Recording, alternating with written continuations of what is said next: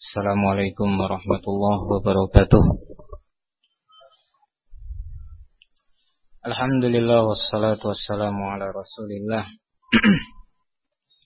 Wa ala alihi wa ashabihi wa man tabi'a hudah Wa ashadu an la ilaha illallah Wa ashadu anna muhammadan abduhu wa rasuluh Amma ba'd Ikhwani fid din rahimani wa rahimakumullah eh, Pada malam hari ini insyaallah kita akan mulai belajar kitab Taharah yang mana pada kajian-kajian sebelumnya kita telah mempelajari tentang ahkamul janaiz. Walhamdulillah kita sudah menamatkan eh, pelajaran-pelajaran uh, yang disebutkan tentang jenazah yang disebutkan di dalam kitab ini. Al-Fiqhul Muyassar sekarang kita akan mulai dari awal yaitu kitab Taharah.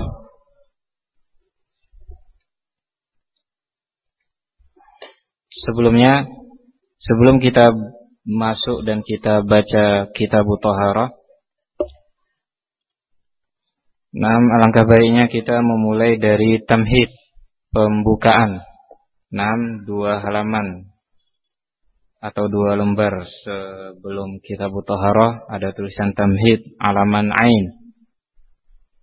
Nah, barakallahu fikum bagi antum yang punya buku tamhid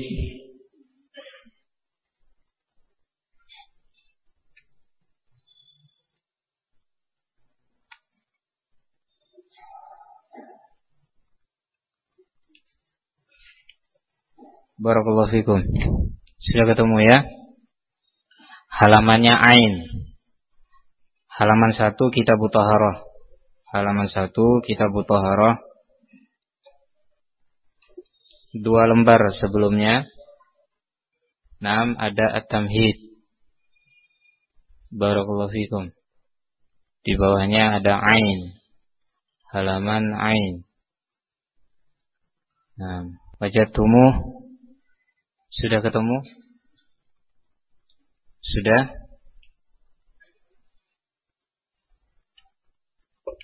Coba cari dulu halaman satu, halaman satu kita butuh haro. Nah, halaman satu kita butuh haro.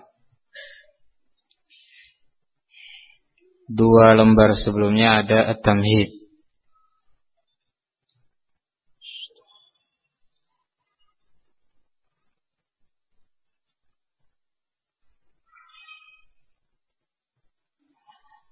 At-tamhid, pemaparan atau pembukaan.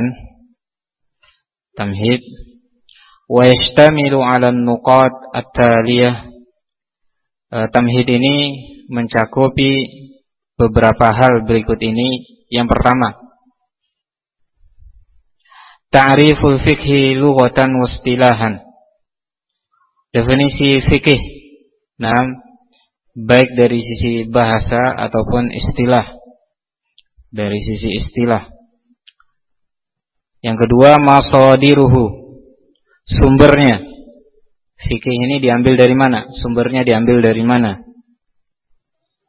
Maudhu'uhu pembahasannya. Apa yang dibahas? Barakallahu fikum dalam pelajaran fikih ini. Kemudian samrotuhu hasilnya hasil kita belajar fikih itu bagaimana? Nam samrotuhu buah maksudnya hasilnya. Fadluhu dan keutamaan ilmu ilmu fikih.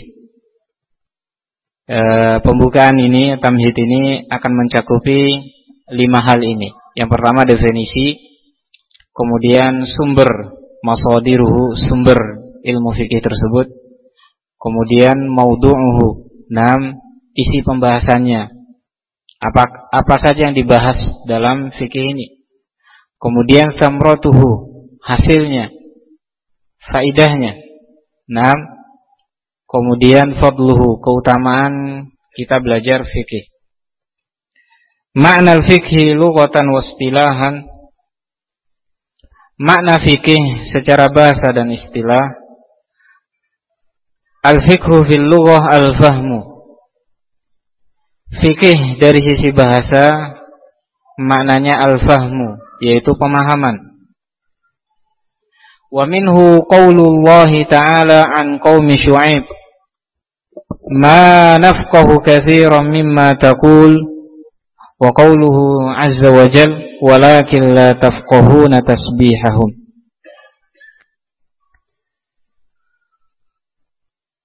Wa minhu di antara makna al-fahmu barakallahu fikum dari kalimat al-fiqh nam sebagaimana yang tertera di dalam firman Allah Subhanahu wa taala tentang kaum Nabi Syuaib. Ma nafqahu katsiran mimma taqul. Ma nafqahu katsiran mimma taqul. Kami tidak memahami kaum Syuaib mengatakan kepada Nabi Syuaib Ma nafqahu katsiran mimma taqul. Kami tidak memahami banyak dari apa yang kamu ucapkan. Ma. Kami tidak memahami. Perhatikan di sini fal makna fi hadhil ayah ma nafhamu. Maka makna di dalam ayat ini adalah ma nafhamu. Kami tidak memahami. Barakallahu fikum. Wa azza wa jal. Dan juga seperti firman Allah walakin la tafqahuna tasbihahum. Ay la tafhamuna tasbihahum. Barakallahu fikum. Setiap semua yang ada di muka bumi ini semuanya bertasbih kepada Allah. Nam batu pohon-pohon. Nam Walakin la tafqahuna tasbihahum akan tetapi kalian tidak memahami tasbih mereka itu seperti apa. Jadi maknanya adalah walakin la tafhamuna tasbihahum. Wal fiqhu fil istilah al-ilmu bil ahkam syar'iyyah al-ilmiyah al-muktasabati min adillatiha at-tafsiliyah. Wa qad yudlaku Naam Wal fikhu fil istilah adapun makna fikih secara istilah syar'i enam yang dimaksud dengan pelajaran kita atau taklim kajian kita pada malam hari ini adalah al ilmu bil ahkam syar'iyyah yaitu ilmu tentang hukum-hukum syar'iyyah yang ilmiah yang diambil al-muktasabah yang diambil dari dalil-dalilnya yang rinci. Barakallahu fikum. Wa qad yudlaku al-fiqhu 'ala al-ahkami nafsiha. Dan juga kadang al-fiqih nam juga bisa dimaknakan dengan hukum. Kadang al-fiqhu bisa juga dimaknakan dengan al-hukmu, hukum. Barakallahu fikum.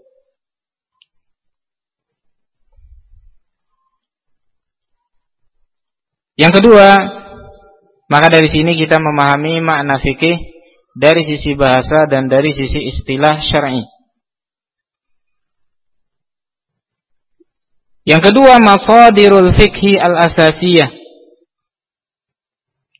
Sumber fikih yang utama, yang dasar, al-asas. Asas sumber dari al-fikih itu diambil dari mana? Yang pertama adalah Al-Quranul Karim. Sumber hukum tersebut, enam ilmu tersebut diambil dari Al-Quranul Karim.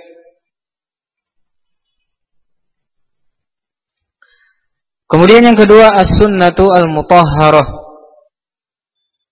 Yang kedua as-sunnah al-mutahharah.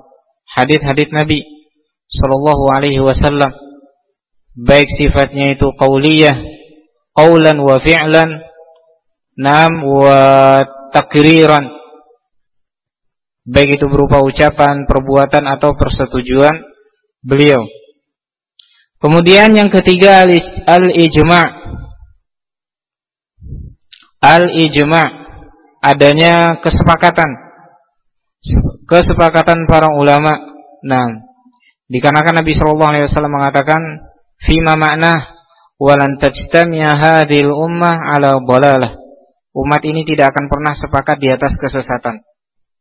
Berarti kalau seandainya umat ini sepakat di atas sebuah perkara, maka menunjukkan bahwasanya itu adalah alal haq, di atas al haq. Karena Nabi Shallallahu Alaihi Wasallam mengatakan tidak akan bersepakat, tidak akan bersatu di atas sebuah kesesatan. Kemudian yang keempat, enam sumber hukum dari fikih tersebut diambil dari al-qiyas. Nah, nanti akan kita pahami dengan murur ad-dars atau ta'lim kita ini.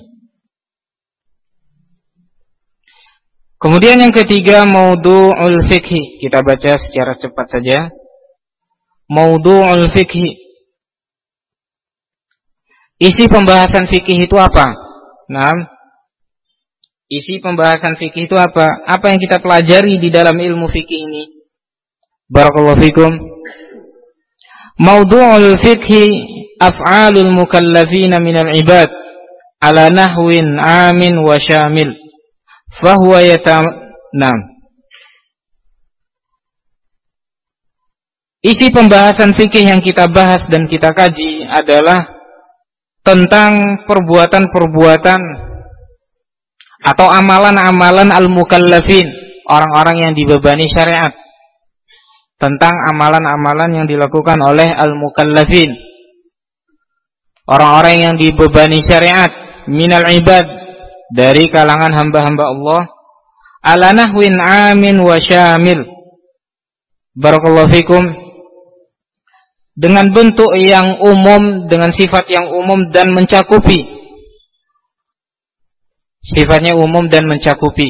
Nah, tidak e, hanya khusus pada perorangan saja namun sifatnya umum fahuwa yatanawalu alaqatil insan alaqatil insani ma'a rabbih wa ma'a nafsihi wa ma'a mujtama'ihi maka pembahasan ini mencakupi hubungan antara manusia dengan Robnya kemudian terhadap dirinya sendiri dan juga terhadap lingkungannya keluarganya, anaknya, istrinya, tetangganya, saudara-saudaranya, teman-temannya. Wa yatanawalul ahkam yatanawalul ahkam al-amaliyah wa ma yasduru 'anil mukallafi min aqwalin wa af'alin wa 'uqudin wa tasarrufatin wahiyya ala naw'aini. Dan juga mencakupi hukum-hukum amaliyah. Yang mana dan apa-apa yang bersumber dari al-mukallaf. Al-mukallaf yaitu orang-orang yang dibebani syariat. Fanahnu kulluna mukallafun. Dan kita semua ini adalah mukallaf. Baik dari ucapan perbuatan wa perjanjian-perjanjian wa tasarrufat transaksi-transaksi wahia ala nau'aini dan yang seperti ini ada dua jenis. Barakallahu fikum. Af'alul mukallaf barakallahu fikum ada dua jenis macamnya.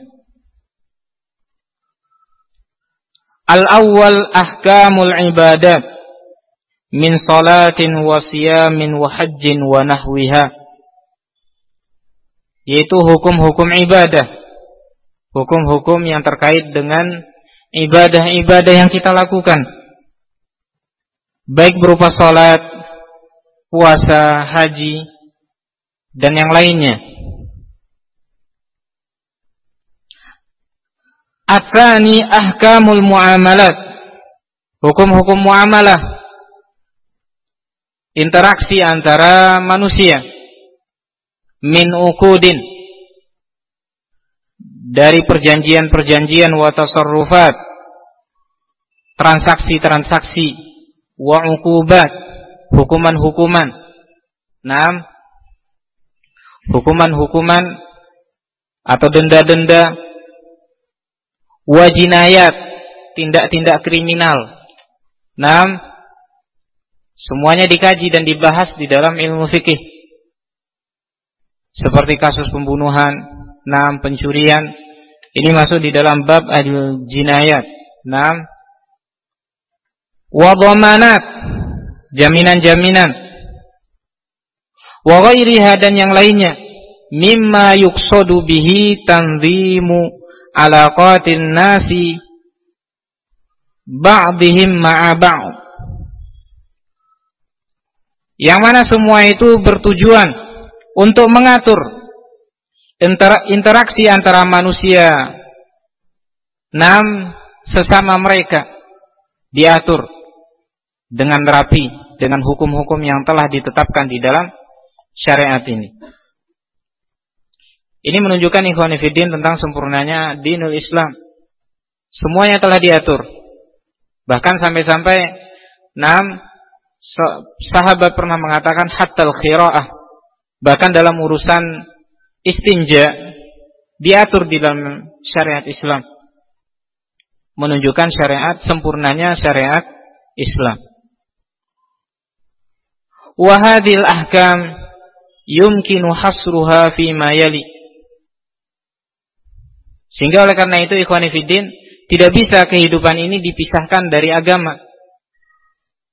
Justru kehidupan dunia ini diatur di dalam agama Islam ini. Diatur secara rapi dan sempurna dan tidak ada hukum yang bisa menandingi dan menyamai hukum-hukum yang telah ditetapkan oleh Allah Subhanahu wa taala. Wa hadhil ahkam yumkinu hasruha fi ma yali. Dan hukum-hukum yang disebutkan tadi memungkinkan untuk kita simpulkan berikut ini.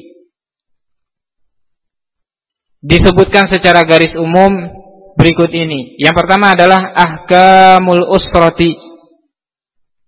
Hukum rumah hukum-hukum yang terkait dengan rumah tangga. Min bad'i takwiniha ila nihayatiha mulai dari pembentukan rumah tangga tersebut enam sampai selesai. Sampai berakhirnya rumah tangga tersebut. Watashmulu ahkam az-zawaj. Watashmulu ahkam az-zawaj. Dan ahkamul usrah ini mencakupi hukum-hukum yang terkait dengan pernikahan. Wat perceraian. Wan nasab tentang nasab. Wan nafaqah tentang nafkah wal miras dan juga tentang warisan, warisan wanahwiha dan yang lainnya. Yang kedua adalah ahkamul muamalat al-maliyah. Al-madaniyah. Wahia al-muta'alliqah bi muamalatil afrad wa mubadalatihim min bai'in wa ijaratin wa syarikatin wa nahwiha.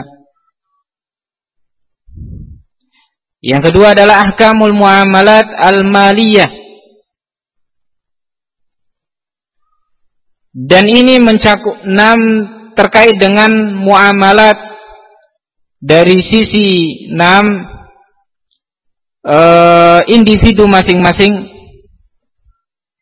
wa mubadalatihim dan juga pertukaran harta di antara mereka min bai'in min bai'in dari jual beli. Wa ijarah. Nam persewaan. Wa syarikah perserikatan. Wa nahwiha dan yang semisalnya.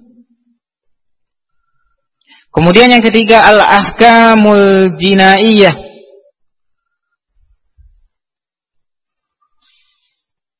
Hukum-hukum yang terkait dengan pidana. Enam tentang tindak kriminal. Wahiyya allati tata'allaku bima yasduru 'anil mukallaf min jara'im min jara'ima wa ta'addiyat yang mana hukum al-jinaiyah ini terkait dengan hal-hal yang dilakukan oleh mukallaf berupa kejahatan-kejahatan, jaraim, wa ta'addiyat, pelanggaran-pelanggaran, wa ma yastahiquhu 'alaiha min uqubat dan juga eh, hukuman-hukuman uh, yang berhak atasnya. Hukuman-hukuman yang berhak ditimpakan kepadanya kepada pelaku enam kriminal tersebut. Yang keempat ahkamul murafa'at wal qada. Yaitu hukum-hukum yang terkait dengan pengaduan wal qada, hukum pengadilan. Wahiyya al-muta'alliqah bil qada fil khusumat. Ahkamul murafa'at wal qada ini terkait dengan al-qada, nah keputusan fil khusumat hukum dalam perkara al-khusumat, enam persengketaan, permusuhan, wada'wa, tuduhan atau pengakuan, wa turukil isbat wa nahwiha dan juga cara-cara di dalam menetapkan sebuah hukum, menentukan sebuah hukum. Dan yang semisalnya. Kemudian yang kelima al-ahkam ad-dualiyah. Hukum-hukum yang terkait dengan negara. Wahiyallati tata'allaku bitanzim bitanzimi ilaqa alaqati ad-dawlati al-islamiyah bighairiha min ad-duwal fi silmi wal harbi. Dan al-ahkam ad-dualiyah ini terkait dengan tanzim alaqatid daulatil islamiyah bi ghairiha peraturan yang terkait dengan daulah islamiyah dengan yang lainnya dari negara-negara yang lain. Fisilmi wal harb. Baik dalam keadaan aman ataupun dalam keadaan perang. Wa alaqati ghairil muslimina al muwatinina bid daulah dan juga hubungan antara kaum antara orang-orang yang non muslim yang tinggal di negeri kaum muslimin wa tashmulu al jihad wal muahadat dan juga mencakup perkara jihad wal muahadat dan hubungan damai antara negara muslim dengan negara-negara yang lainnya. Barakallahu fikum. Inilah secara garis besar tentang apa saja yang dibahas di dalam ilmu fikih. Nah, barakallahu fikum. Kita lanjutkan samratu ilmil fikih. Hasil yang akan kita peroleh setelah kita mempelajari ilmu fikih. Ma'rifatul fikhi wal amal wal amalu bihi tusmiru salahal mukallafi wa sihhata ibad ibadatihi wastiqamata sulukihi mengenal fikih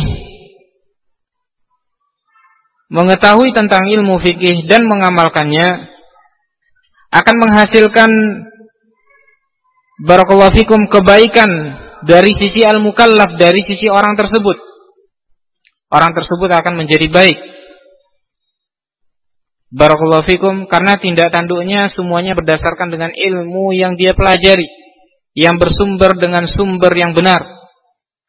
Maka dia akan menjadi seorang yang soleh, seorang yang baik. Wasihata ibadati dan juga akan menjadikan agamanya itu sahih, ibadahnya itu benar.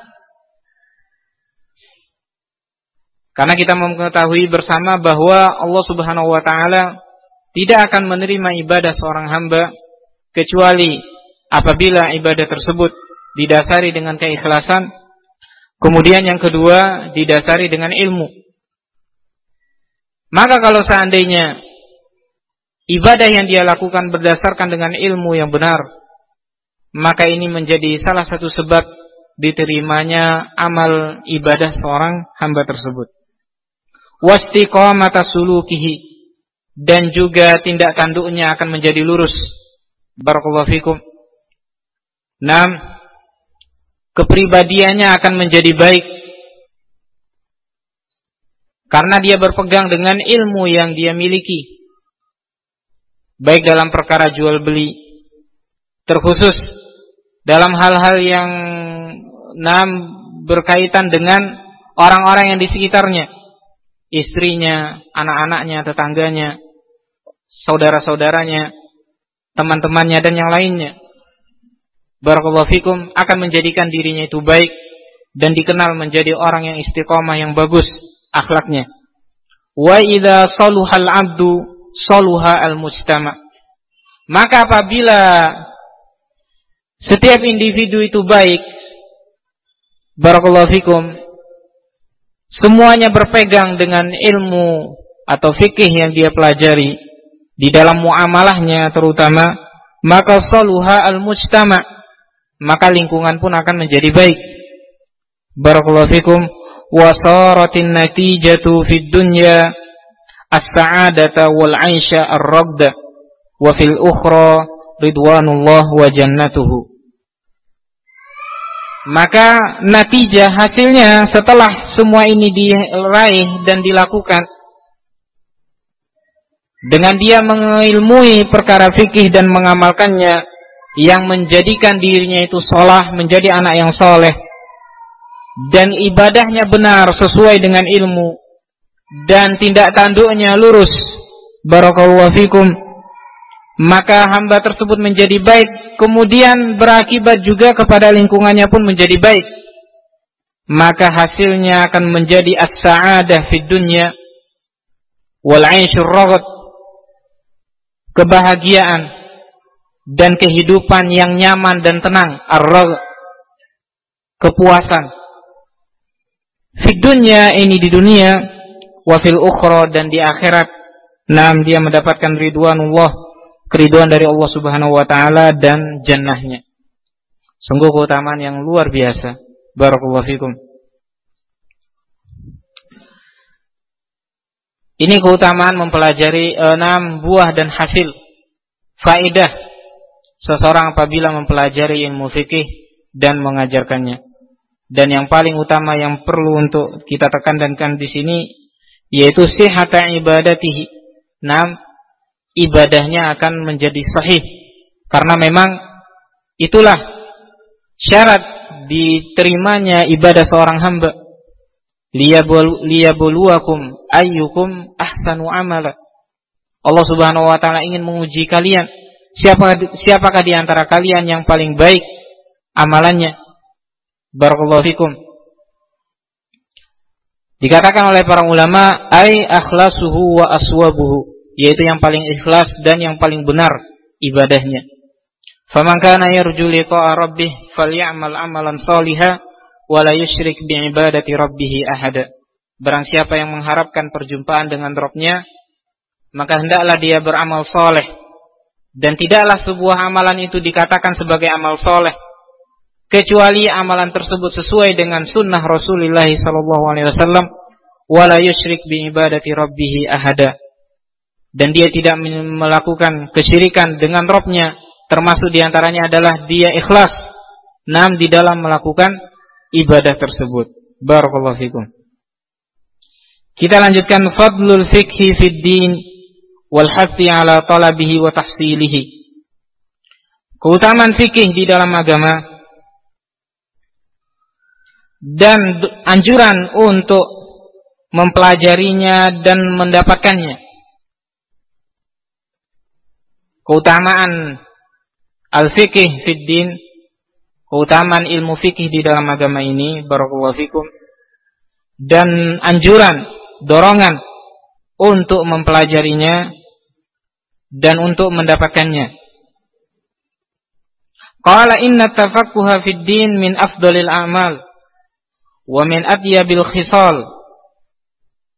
sesungguhnya at-tafaqquh fid din Naam Barakallahu fikum bertafaqquh mendalami ilmu agama min afdalil amal termasuk di antara amalan yang paling mulia wa min adyabil khisal dan di antara sifat yang paling baik at-tafaqquh fid. Barakallahu fikum. terkhusus di zaman yang penuh dengan fitnah. Nah, maka ilmu, keberadaan ilmu di dalam agama ini sangat penting sekali. Muamalah dengan sesama muslim. Barakallahu fikum. Sangat penting bagi seseorang untuk mengetahui ilmu agama ini terkhusus di dalam atau di zaman yang penuh dengan fitnah. Nabi Shallallahu Alaihi Wasallam mengatakan badiru bil amal fitanan bersegeralah kalian beramal ketika terjadinya fitnah. Kaki tu'ain lailil muzlim. Yang mana fitnah tersebut bagaikan potongan malam yang gelap gulita. Potongan malam, maksudnya bagaimana? Dijelaskan di antara maknanya adalah ketika matahari terbenam, maka akan timbul, akan muncul kegelapan dari arah timur. Dan semakin larut malam akan semakin gelap. Begitulah fitnah. Semakin hari fitnah tersebut silih berganti. Enam. Dan semakin berat pula fitnah yang baru-baru datang. Sehingga ketika datang fitnah maka seseorang melalaikan dan melupakan fitnah yang sebelumnya saking dahsyatnya dan besarnya fitnah yang baru datang tersebut. Udan udan. Barakallahu fikum. Sehelai demi sehelai fitnah tersebut datang. Kemudian Nabi mengatakan akibat dahsyatnya fitnah tersebut yusbihu rajul mu'minan wa yumsi kafiran. Seorang mukmin pada pagi hari beriman. Naam kemudian pada sore hari dia kafir, wa yumsi mu'minan wa yusbihu kafiran. Pada sore hari dia beriman dan pada pagi hari dia menjadi kafir. Yabi'u dinahu bi'aradin minad dunya. Naam, dia menjual agamanya dengan harga dunia. Naam dengan sepeser dari dunia tersebut. Barakallahu fikum dalam waktu yang singkat. Naam, imannya hilang saking dahsyatnya fitnah tersebut. Namun Nabi Shallallahu Alaihi Wasallam memberikan solusi kepada kita semua untuk menghadapi fitnah tersebut. Di antara solusinya seperti yang disebutkan di awal hadis tersebut, badiru bil amal, bersegeralah kalian untuk beramal. Dikatakan oleh para ulama, fama naro afdalul amal fi hadzal zaman. Nam Barakallahu fikum kami tidak melihat amalan yang paling besar dan paling utama pada zaman sekarang ini yang lebih utama daripada talabul ilm menuntut dan mencari ilmu yang bisa menyelamatkan seseorang dari fitnah tersebut. Disebutkan di dalam sebuah riwayat tentang hadis idzal taqal muslimani bi sayfayhima fal wal maqtulu finnar. Apabila dua orang muslim Nah, saling berhadapan dengan muslim yang lainnya, saling-saling menyerang dengan dua pedang masing-masing. Kemudian Nabi mengatakan al-qatilu wal maqtulu finnar. Yang terbunuh dan yang membunuh itu masuk an-nar. Kemudian para sahabat bertanya kepada Nabi, "Hadzal qatil fama balul maqtul?" Kalau yang membunuh kami paham dan mengerti dia masuk nar, karena dia telah melakukan dosa membunuh. Lalu bagaimana yang terbunuh? Dia tidak sempat untuk melakukan perbuatan dosa tersebut. Kemudian Nabi menjawab, "Innahu harisun ala qatli sahibihi." Karena sebelum dia mati dia berusaha bersungguh-sungguh untuk membunuh dan saudaranya, lawannya. Sehingga dikarenakan niat kemudian ditambah dengan usaha dan kesungguhan di dalam melakukan usaha tersebut, walaupun usahanya gagal, tidak tercapai maksud dan tujuannya, maka tetap dia menanggung dosa dan mengakibatkannya masuk ke dalam anar. Maka ketika terjadinya pertempuran fitnah antara Ali wa Aisyah radhiyallahu anha alaihim ridwanullah. Nam maka ada salah seorang tabi'in keluar dari rumahnya sambil memanggul senjata dan bertemu dengan Um Imran bin Husain, salah seorang sahabat Nabi sallallahu alaihi wasallam. "Aina ta'mat?" "Ila aina ta'mat?" Mau ke mana kamu pergi? Kemudian dia menjawab, "Uridu an ansura ibna ammi Rasulillah sallallahu alaihi wasallam." Saya ingin menolong dan membantu putra dari paman Nabi, yaitu Ali bin Abi Thalib. Ingin ikut andil di dalam fitnah. Nam ketika itu. Kemudian sahabat ini mengatakan mahlan. Ini sami'tu Rasulullah sallallahu alaihi wasallam yaqul. Sesungguhnya saya pernah mendengarkan Nabi sallallahu alaihi wasallam mengatakan, "Nam Idzal taqal muslimani bisayfayhima fal qatilu wal maqtulu finnar. Apabila antara dua orang muslim saling berhadapan dengan dua senjatanya, maka dua-duanya akan masuk an-nar. Nam al-qatil wal maqtulu finnar. Akhirnya dengan ilmu yang dia raih, yang dia dapati dengan dari sahabi ini, barakallahu fikum, dia kembali ke rumahnya dan menggantungkan senjatanya dan terhindar dari fitnah yang terjadi pada zaman tersebut. Barakallahu fikum. Termasuk di antara keutamaan ilmu, seseorang bisa menghindar dan menjaga dirinya dari fitnah. Wa qad dallatin nusus minal kitab was sunnah ala fadlih. Dan nas-nas dari Alkitab dan sunnah telah menunjukkan tentang keutamaan ilmu tersebut wal alaihi dan juga menganjurkannya menganjurkan orang untuk meraih dan mempelajarinya. Minha qauluhu ta'ala di antaranya adalah firman Allah, "Wa ma kana al-mu'minuna liyanfiru kafah, falawla nafara min kulli firqatin minhum ta'ifah liyatafaqahu fid din wa liyunziru qaumahum idza raja'u ilaihim la'allahum yahdharun." Dan tidak sepantasnya bagi orang-orang beriman pada ayyamul jihad, pada hari-hari jihad, untuk semuanya berangkat berjihad tidak sepantasnya.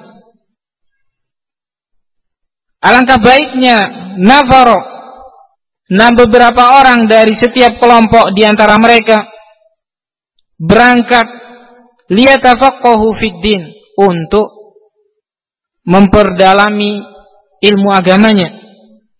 Waliyunziru qaumahum idza raja'u ilaihim. Dan guna mereka bisa memberikan peringatan peringatan kepada kaumnya apabila mereka balik dan pulang setelah menuntut ilmu la'allahum yarji'un. Supaya la'allahum yahzarun. Dan supaya mereka berhati-hati.